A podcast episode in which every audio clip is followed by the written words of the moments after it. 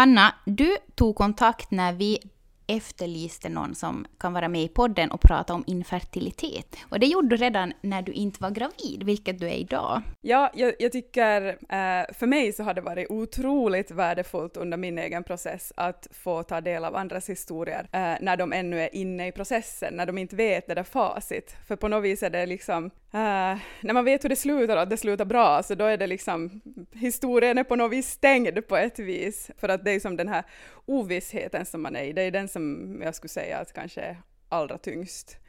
Så på det viset skulle jag gärna ha liksom varit öppen med det liksom redan då när jag inte hade något svar på den här, på den här vår process, men, men no, dels var min sambo inte alls bekväm med att vara öppen med det då och jag vet inte om jag heller ska våga för jag ville på något vis inte berätta att vi försöker få barn. Det kändes så mycket hemligare på något vis än att vi sen blev då ofrivilligt barnlösa. Och du ska idag berätta om mm, bland annat det här med att ha eh, att komma till den punkten i livet där du kanske inser att nu måste vi ta ett beslut här. Att ska vi försöka skaffa barn eller inte? Och eh, att du inte har någon barnlängtan. Och du har det ännu inte idag, trots att du är gravid idag. Ja, det låter hårt och hemskt när du säger det tycker jag.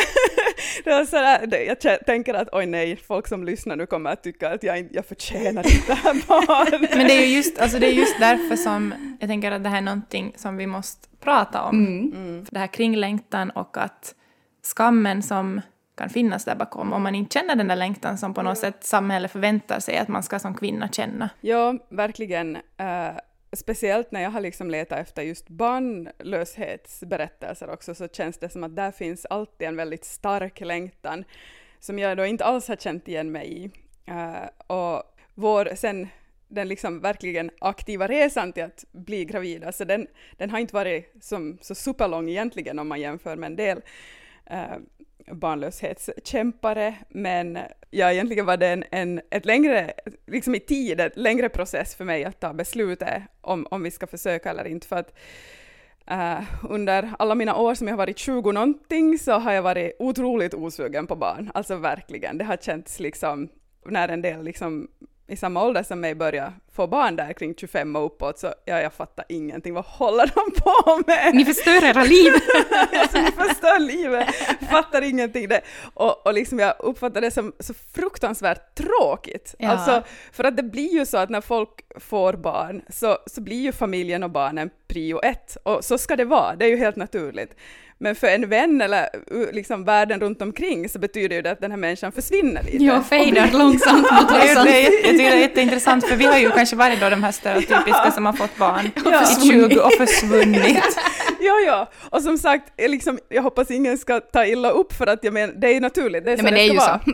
Det är ju så. Men så är det, och, och, det, och för mig då, som, som, så har det ju varit tråkigt. Det är ju liksom, folk är ju tråkiga.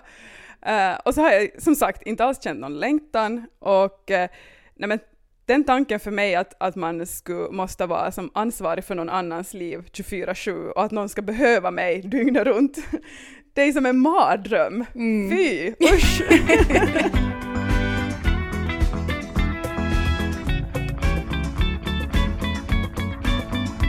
Ja, nej men alltså, för det blev så för mig då till sist att, att no, under liksom mina 20 år så, så har jag liksom tänkt att jag behöver inte ta någon stress över det här nu, jag kan skjuta det på framtiden för att nej men folk pratar ju om biologiska klockan och väntar bara och sådär, så jag tänkte no, men den dyker väl upp den där barnlängtan. Uh, men sen fyllde jag då 30 och det blir ju som ett ganska sådär tydligt, tydlig händelse på att man blir äldre. Och det vet väl alla att fertiliteten varar inte för evigt, så det blev som en punkt för mig när jag kanske också insåg att den här barnlängtan kommer tydligen inte att komma till mig. Min biologiska klocka är tyst. Ja, men, men det blev som på något vis en punkt när jag insåg att uh, jag måste liksom med tvång ta itu med den här frågan. För att eftersom tiden går och jag blir äldre så eh, om inte jag väljer att försöka så då kommer ju tiden automatiskt att välja bort det för mig och då kommer jag som att för evigt gå miste om chansen och det kändes som en ännu mer skrämmande tanke. Ja, så det, det blev sådär att okej, okay, nu måste jag göra upp med det här och tvinga fram ett beslut. Fanns det någon gång den här tanken, eller liksom, hur, hur var liksom skålarna, hur, hur vägde liksom, fanns det det där också som att nej men att vi, det, det får lämna? Fanns det liksom, vägde någon gång tyngre? Uh, jag, jag, tror att när jag var in i den där funderingsprocessen så, så tror jag att jag trodde att jag vägde mellan försöka eller inte försöka. Men nu faktiskt när jag tänkte på det lite mera här i efterhand och inför att jag skulle komma hit så, så tror jag att jag egentligen aldrig uh, liksom på allvar tänkte på beslutet att inte försöka. Utan jag tror att det var som ungefär tre års tid som, som jag funderade på det. Och jag tror att egentligen så gick de där åren ut på att försöka bli vän med tanken på att försöka få barn. Att liksom jobba med alla de där, alla de där äh, sakerna som jag har tänkt att är jobbiga med att få barn. Alltså ge upp min frihet och att bli liksom mera fast. Och också så var jag ganska rädd för att ångra beslutet. Och det är ju liksom oåterkalleligt om man får ett barn. Man kan inte göra det ogjort. Och tänk om det inte blir bra och jag inte trivs och sen sitter jag fast där. Det kändes som väldigt skrämmande. Men sen kändes det som ännu mer skrämmande att för evigt ha gått miste om chansen. Uh, så på något vis blev jag tvungen att hitta liksom argument som kändes som tillräckligt starka för att våga försöka. Och så en, en sak som också blev, som, det är som en oväntad sak för mig, men det var våren 2019 så gick både min äh, muffa och min fammo bort väldigt nära in på varandra och det var de sista av mina far och morföräldrar som gick bort och då äh, insåg jag plötsligt att vi är bara två generationer kvar, alltså jag och mina systrar och mina föräldrar. Och det var så här, shit! Man har ju sett sådär liksom, nej men när folk postar bilder att åh, fyra generationer liksom av släkten, och jag bara, äh, vi har bara två. och mina syrror, de är, dels är de yngre än mig och de är båda singlar, uh, så jag bara känner att nu, nu får jag en börda på mina axlar. Nu, nu. Och, och liksom förr har jag absolut inte brytt mig om några sådana liksom, argument, men då kände jag, alltså på något vis, döden och livet, det kändes som att Uh, jag fick något sånt där att man på något vis lite tar ett steg tillbaka och ser på den där liksom historietidslinjen och bara, jag kände bara att nej men jag vill nog liksom bidra till att det kommer mera liv och att det fortsätter på något vis. Så det var liksom en ganska, där kom det liksom en känsla som kanske är den närmaste längtan i så fall, men för att, att nej men jag vill nog vara en del av det här i alla fall, tror jag. Sen har jag liksom inte däremot, tänkte jag på, äh, brytt mig liksom om eh, vad samhället har tyckt, eller den här väldigt starka normen som finns av att skaffa barn och sådär, bilda familj. Så jag har varit ganska sådär, inte vet jag, stolt normbrytare på den fronten, att jag har varit väldigt bekväm med att vara liksom en lyckligt barnfri. Och om folk har frågat sådär, har du barn? Så fast jag nog har varit liksom i 29-årsåldern så har jag liksom varit ganska nöjd och säga nej, det har jag inte. För det är ju svintråkigt att ha barn. Ja men precis. Så det har liksom inte påverkat mig, att jag har inte känt att det är obekvämt för att samhället tycker att man borde det ena eller det andra. Men, men det har nog varit liksom de här egna tankarna som jag har brottats med. Men efter nu då tre år av vånda så, alltså, så landar vi äntligen då, eller jag, eh, nu pratar jag väldigt mycket om jag och mina, men, men det har liksom varit jag som har stått på bromsen tidigare, så på något vis har jag känt att det har varit mitt beslut, eller mi, mina liksom, ja, mitt beslut att, att försöka göra upp med det här och komma fram till att, att vi är redo då. När jag väl tog beslutet, så det var liksom väldigt skönt för att, att kunna liksom sätta punkt för alla de där tunga funderingarna. Mm. För att det kände jag också att, att det som beslutet huruvida man ska försöka få barn eller inte, så, så känns det som att det ska tas eh, med hjälp av känsla. Mm. Då, då är det så självklart på något vis. Det kan vara jobbigt ändå, men, men då är det liksom så, ja men självklart. Men när man inte som känner det så, så att ska man sitta då med en Excel-tabell och lista liksom plus och minus och försöka på ett rationellt sätt komma fram till om man ska skapa nytt liv eller inte. Det är som helt absurt, det går inte riktigt. Men där tänker jag att där kanske nog, eller liksom inte vet jag om samhället har gjort det, men på något sätt har jag nog alltid fått uppfattningen att man ska just ha den här känslan, att den mm. kommer nog liksom. Ja.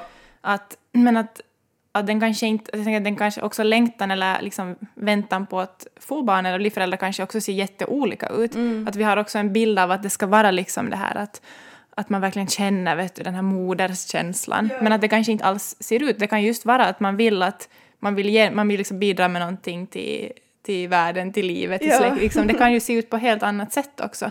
Men att vi har den här förväntningen liksom att det ska, Mm. Det ska kännas. det ska kännas liksom rätt. Ja, och folk är ju som så olika också, man identifierar sig med olika saker och jag har som inte alls identifierat mig med den här som på något vis typiska modersrollen som finns. Jag har som inte, men sen förstås, sen har jag tyckt att det har varit tröstande när man har träffat på kvinnor som har barn och till och med många barn ibland också, men som, som inte alls känns som den här typiska mamma. Alltså man kan ju vara såklart mamma på en massa olika sätt och det är det som har känts tröstande när man ibland har tänkt att för vissa människor som man träffar så känns ju bara som så självklara mammor på något vis. Medan andra kanske inte gör det, att de är sådär väldigt mycket med karriären eller bara annars liksom inte känns som den här omhuldande modern. Men som ändå har barn och klarar sig bra och barnen klarar sig bra. Så det här känns sådär tröstande att fast jag känner att mamma känns som ett ord som inte hör ihop med mig så tänker jag men jag kan, jag kan vara mamma på mitt sätt Mm. ändå. Ja men precis, att alla måste ju sen hitta sin egen roll som mamma och det tar ju också sen en stund. Och också eh, någonting som jag tycker också är intressant det där att hitta sin roll som föräldrar som tillsammans, utöver liksom den relationen man tidigare haft, så ska man nu mitt i allt liksom vara ett team som föräldrateam. Så det är ju också en, en roll att söka. Ja, och sen just det där att, att på något sätt tidigare hade det kanske varit att mamman ska vara den här, liksom, just den här omhuldande. Men vad jag nu ser liksom runt omkring mig så i, i många familjer är det kanske till och med pappan som har mera den här, att han, att, till och med att han är den som är hemma mera eller men att, han, att han mera har de egenskaperna och att det är helt okej. Att, att mamman inte behöver vara den här Det är bara, typ, bullamamman. det är bara de här gammelmormorna som höjer på ögonbrynen Ja. för tiden. Ja. Det, är som, det, är som, det blir liksom mer eh, accepterat och också kanske mer liksom, ja inte vet jag nu normen, men just det där att, att alla faktiskt ska få hitta sin egen roll och få göra som man vill i sin familj. Jo, det känns väldigt spännande för vi, vi är båda två väldigt sådär självständiga personer och ibland känns det som att vi lever inte som ett par, vi, vi bara råkar bo i samma hus för vi gör liksom saker på skilda håll så mycket. Ja. Sådär. Så det här blir ju ganska spännande för att vi nu ska på något vis försöka vara en enhet Ja. lite mera. Så får vi se. No, men, så sen så hade ni alltså bestämt er och ni hade satt punkt för det, att nu, nu blir det antagligen blir det en barn. familj. Ja. Ja. Men det kom en, en chock för er då. Att det gick inte så enkelt som ni hade tänkt. Ja, och, det, och kanske igen då, det var mer en chock för mig för att min sambo är mycket mera, dels långsam att ställa in sig på förändring och han hade kanske också en mera realistisk bild att det kan ta tid och sådär. Och det sa vi ju när vi började på att ja men det kan ju ta ett år, vi behöver inte oroa oss för det. Men för mig var det nog bara tomma ord. Jag- Men tänker det är lätt att säga det. Ja, ja, och det blev som också en sån där ganska skönt att vi sa att det var vår deal, oss sinsemellan, att vi inte behöver börja liksom snegla på varandra och vara sådär ah, hjälp, hjälp, hjälp, liksom. Att vi behöver inte göra det till ett problem där hemma. Men liksom för mig var det, alltså dels man, man känner ju sig naiv i efterhand, att man har trott att det ska gå lätt, men samtidigt tänker jag också att det är väl en ganska sund inställning att man har tillit till att kroppen ska fungera. Uh, så jag var ju 33 år då när vi började på, så det är absolut in, ingen ideal ålder, men samtidigt så finns det ju hur mycket 33-åringar som helst som får barn, så det borde inte vara någon omöjlighet. Och det fanns liksom inga så här, varningsklockor, liksom att min menscykel går som, som på räls och det har aldrig varit någon smärta eller någonting förknippat med den. Och min mamma har haft superlätt att få barn, i och för sig var hon ung när de fick barn, men, men ändå. Och ja, min farmor hon, Eh, hon hittade en man ganska sent i livet och fick två barn tätt in på varandra kring 40-årsåldern. Så man har liksom de här fertilitetshistorierna med sig från släkten också, från båda sidorna till och med. Och så där, ja men jag lever ganska sunt, jag tränar och jag äter bra, och jag sover bra och liksom, nej men såklart det funkar. Och på något vis har jag också en, jag har väl kanske varit privilegierad eller bortskämd när det gäller min kropp, för att den har jag alltid kunnat lita på, att den, den funkar liksom. Uh, sen är det svajigare med huvudet emellanåt, men, men kroppen brukar leverera. Så, ja, och så, så mitt sätt att ta till mig nya saker har jag märkt i det här är liksom att man vill ha info, så jag googlar direkt statistik, hur länge tar det att bli gravid? så man liksom vet sådär att nej, men vad är realistiskt att vänta sig? Men ändå, jag tror att var det 60 eller 80 procent till och med som blir gravida inom ett halvt år. Eh, under 35-åriga kvinnor då, då var jag ju under 35. Uh, så på något vis var det liksom, uh, nej men det var ju som helt självklart för mig att, att jag skulle vara gravid senast inom efter tre, fyra månader sådär. Uh, eh, och det var på sommaren som vi började, så då jag brukar ha i flera år sprungit då ett stort sånt där traillopp där i maj, så det var det så ja nästa år kommer jag inte kunna springa det där loppet, för då är jag ändå som nybliven mamma eller så är jag höggravid och sådär. Uh, och man som planerar saker enligt det att jag kommer snart att vara gravid, för det var som så självklart. Alltså fast, fast då det i princip inte var något fel eller något problem förrän ett år senare, så, så för mig så levde jag ju liksom i rädsla för den där katastrofen, liksom redan efter nej men, fyra, tre, fyra månader kanske, så, så var jag liksom ja, och nu faktiskt, jag har som skrivit anteckningar i ett dokument i datorn under hela den här processen. Jag tänkte väl då att det blir intressant att följa med graviditeten ända från första början, så jag tänkte väl att det skulle bli så graviditetsanteckningar, men istället blev det 50 sidor ofrivillig barnlöshet. Men det var ju som intressant att redan när vi väntar på resultatet av andra försöket, redan då så hade jag skrivit att kan det inte bara lyckas nu så man slipper ifrån det här hemska vakuumet.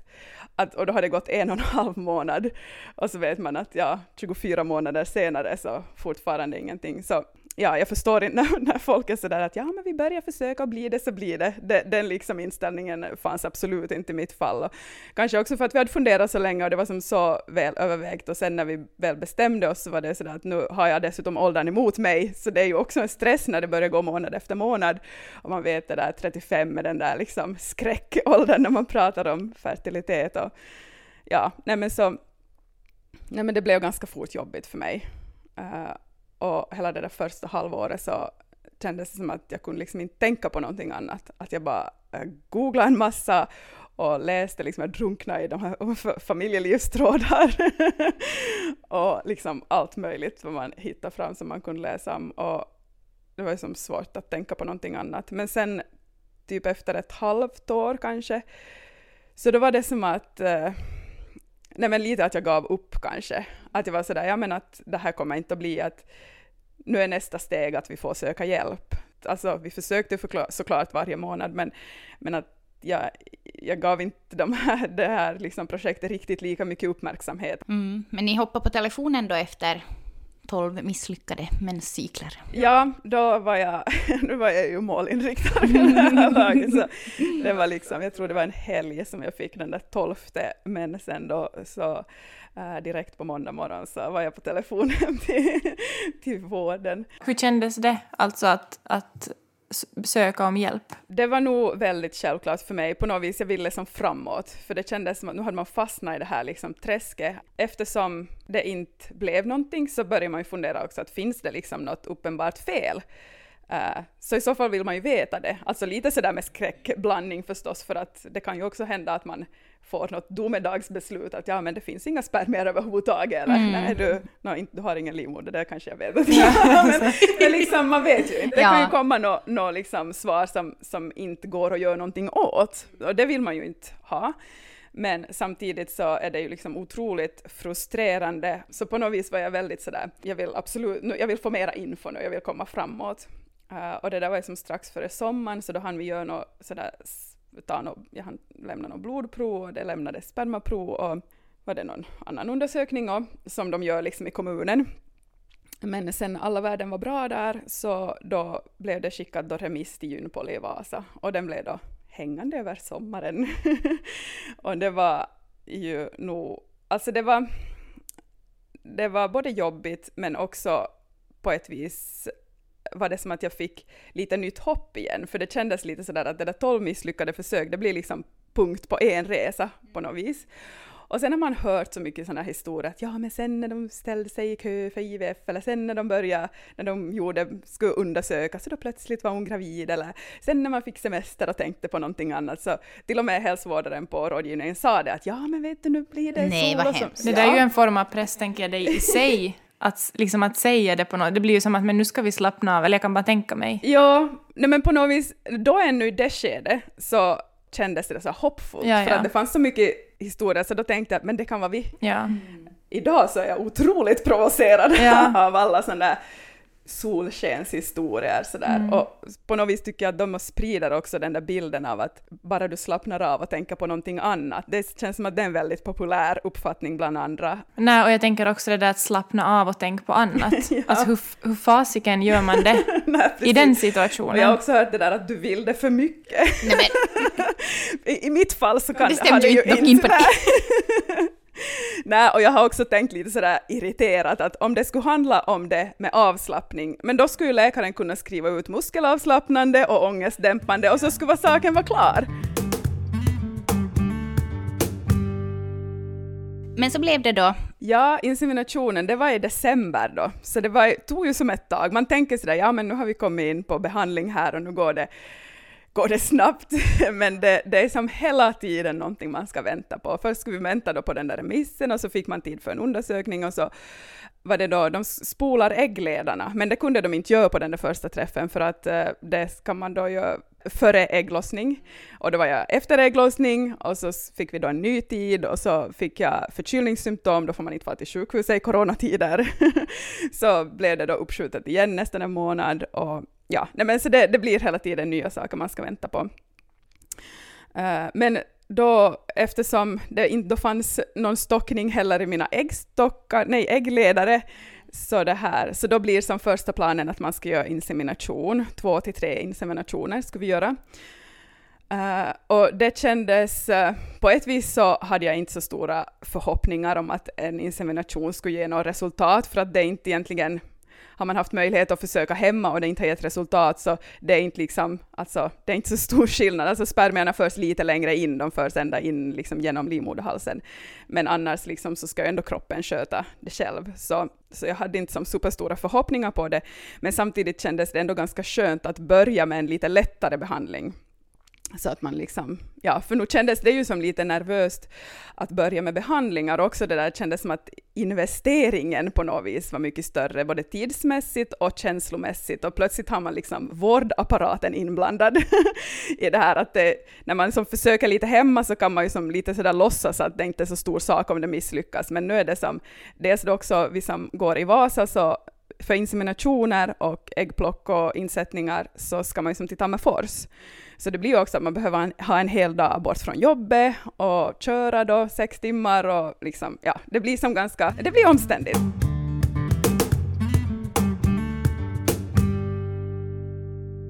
Eh, den där tiden som man ska vänta efter, både då liksom när man gör Eh, IVF så pratar, kallas det sådär ruvarperioden, alltså efter att man har lagt in ett embryo tills då att man får får veta hur det har gått och inseminationen då förstås från insättningen, eller det är insättning, men ja, ja, insättning av spermier.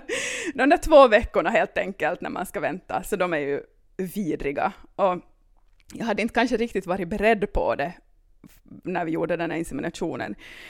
Uh, dels var det liksom mörkaste mörka årstiden, det var i början av december och jag hade jobbat mycket och det var liksom, men det kändes till och med när det var dagsljust så var det ju inte ljust och i sinnet var det ännu mörkare.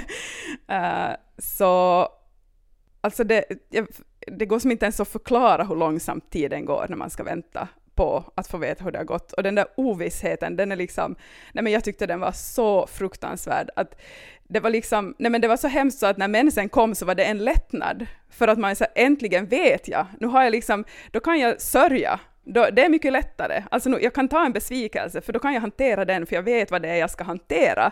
Men den där ovissheten, den är liksom, det kan hända att nu liksom händer det där vi har väntat på jättelänge, eller så fortsätter allt som vanligt och det, man får beviset igen att det här går inte. Usch, det, det var helt hemskt. Och efter, eh, efter den då, när vi fick veta att det inte hade gått, så några dagar efter det, så då var ett sånt tillfälle när jag helt bröt ihop och liksom eh, bara alltså grät, så hulkgrät över liksom hur jobbigt den där väntan hade varit. Inte över att det inte gick, utan över hur jobbig den där perioden har varit. Det kändes som att jag hade hållit på att drunkna.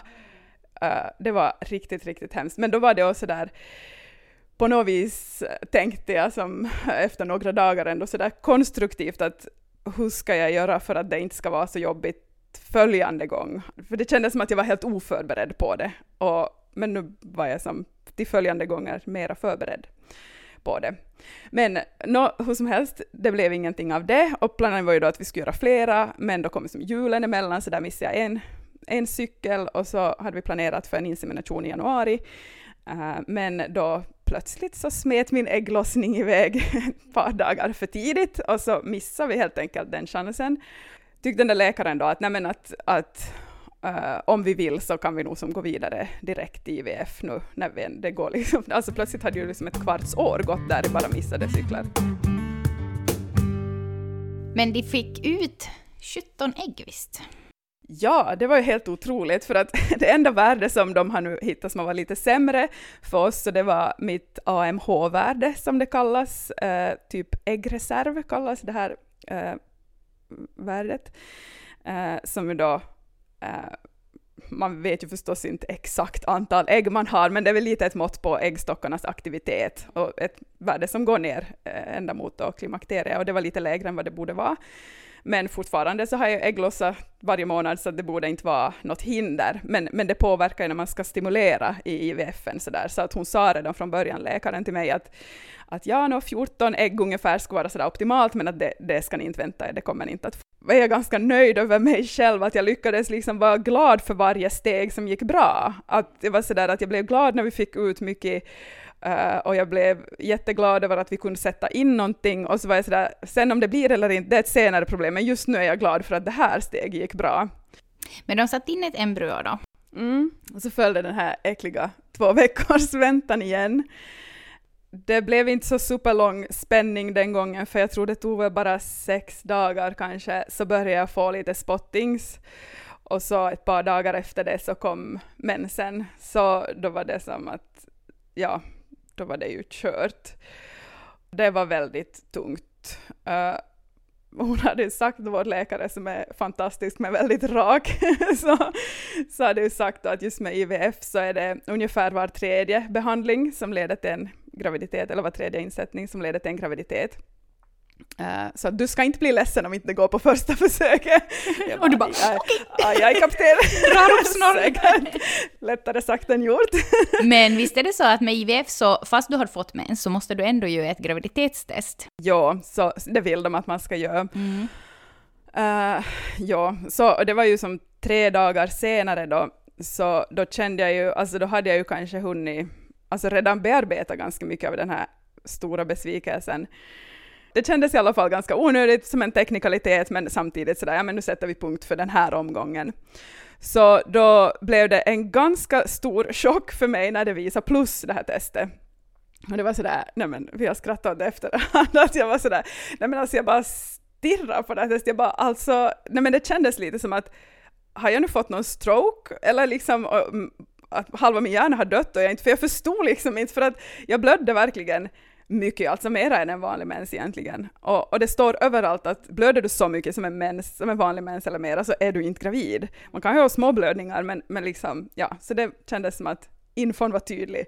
Men samtidigt så heter det ju att ja, men, visar ett graviditetstest positivt så då är det positivt och det kan inte vara falskt positivt. Så jag bara, det här, de här två fakta, det går inte ihop. Det går inte ihop.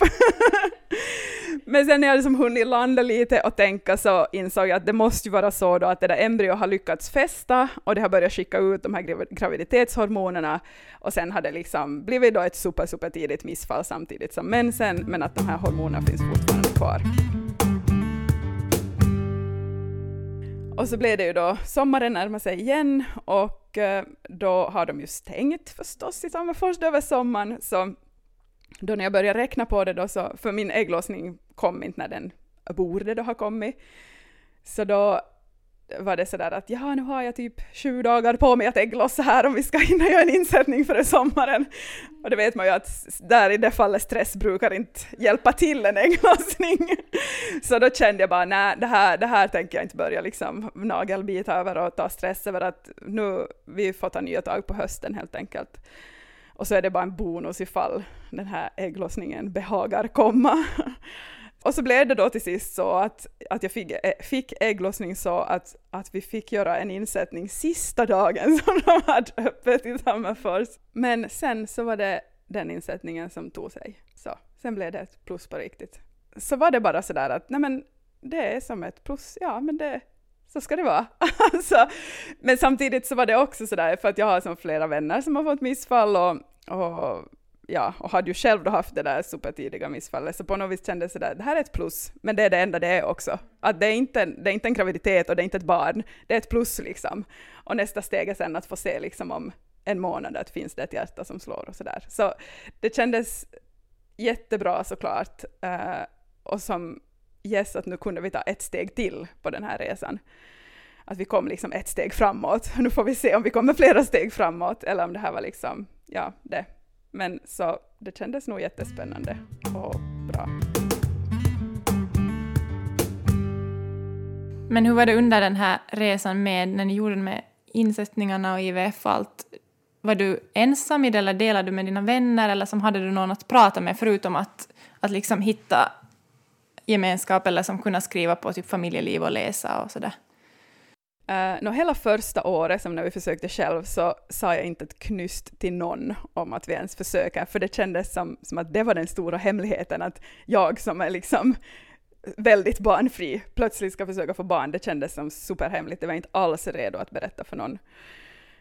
Uh, men sen, jag menar det typ hade gått ett år där någon gång under den där sommaren och, och det började, nej men när det liksom började klarna det här att det här blev inte något, vi kommer inte, det här kommer inte att lyckas naturligt för oss, vilket var, det var liksom en jättestor sorg för mig som behövde liksom mycket bearbetning. Så då kom vi som till något skede när jag lite sådär bröt ihop och märkte att jag mår väldigt dåligt. Det var sådär jag satt på Prisma-parkeringen och bara insåg plötsligt att, att jag är liksom väldigt nedstämd hela tiden. Uh, och var sådär, nej men nu ska jag ta ett sånt där depressionstest på, på nätet, som man ju förstås får ta med en nypa salt, men lite hänvisning om hur man mår ger de ju ändå. Och då fick jag sådär svaret att du har en medelsvår depression, kontakta genast läkare. det gjorde jag såklart inte. man är ju finländare trots allt. men det blev liksom en sån där wake-up call, eller vad man ska säga på svenska. Men när jag insåg att okej, okay, uh, för att då var jag också dessutom, hade ju coronan kommit och jag var arbetslös, så det var sådär typ att alla ens ben man har att stå på hade som slagits av och jag hade som ganska flera veckor bara legat och marinera mig i den här känslan av att jag är oduglig på alla fronter. Så då bara insåg jag att nej men nu ska jag försöka, man kan ju inte säga att man ska rycka upp sig, det är jättefult, men, men jag fick en sån där att nu ska jag försöka göra lite bättre val Eh, i min vardag? Kan jag göra saker som får mig att må bättre? Men sen var en, en sak var sådär att nu måste jag börja prata med folk om det här. För att nu, nu och då hade vi också kommit så långt att, att det plötsligt hette någonting, att nu var vi ofrivilligt barnlösa. Och då blev det på något vis, för mig kändes det som att, att då är det lättare att prata om det, för det heter någonting. Och, och alla de där negativa känslorna är plötsligt befogade. Uh, så så då var det sådär att jag började först lite sådär försiktigt med att klämma fram det åt några nära vänner. Uh, och det var liksom jättesvårt att få det ur sig den där första gången. Alltså oj, oj, oj vad det var jobbigt. Men hade det någonting med, tror du, med att göra också att, att du inte hade tidigare, liksom att kanske inte folk ens visste att ni ville ha barn? Mm. Jo, det kändes ju väldigt vilset där också, för att man hade gått från att vara lyckligt barnfri till att bli ofrivilligt barnlös på ett år och ingen visste någonting. Så det var, det var väldigt vilset och konstigt och, och där, det kände jag också att det var, jag behöver liksom prata med andra för att göra det mer verkligt och börja som bearbeta det. Och också den där hela första året så hade jag liksom inte gråtit över det här en enda gång. Och det var en sån där att det kändes, och, alltså man måste ju inte gråta, det är ju inte det, men alla be, liksom bearbeta saker på sitt eget sätt, men det känns som, det är ju en väldigt förlösande sak att gråta över någonting och vara ledsen. Och det kändes som att jag inte hade liksom kunnat riktigt vara ledsen över det, utan jag har bara som en sån där frustrerad sammanbitenhet och tänkt liksom spydiga tankar om mig själv och sådär, ja, no, det är ju så typiskt det här att jag som inte har velat vara förälder, klart jag ska straffas med det här och ganska sådär negativa tankar och känslor. Och det kändes lite som att att den där liksom ledsenheten och sorgen har som kanske fastnat någonstans i kroppen, att jag inte har som låtit eller kunnat riktigt ge den plats. Uh, men det blev som sen, uh, sen efter det så när jag tänkte på det och så försökte jag sådär ta vara på gråten om den kom. Och försökt eh, ja, nej men faktiskt mera sörja saker också, för det tror jag är superviktigt att ge alla de där negativa känslorna plats, våga liksom känna dem. Och jag har som ganska lätt att uh, som lätt med förändring och att anpassa mig till nya saker. Så för mig har det som, jag har ganska lätt kunnat gå vidare bara jag har gett plats för den där sorgen. Att, till exempel när vi hade varit första gången till Vasa, till Junpoli där, så, så då var det som min sambo, han kände sådär yes, positivt, nu är vi på gång, nu händer det någonting.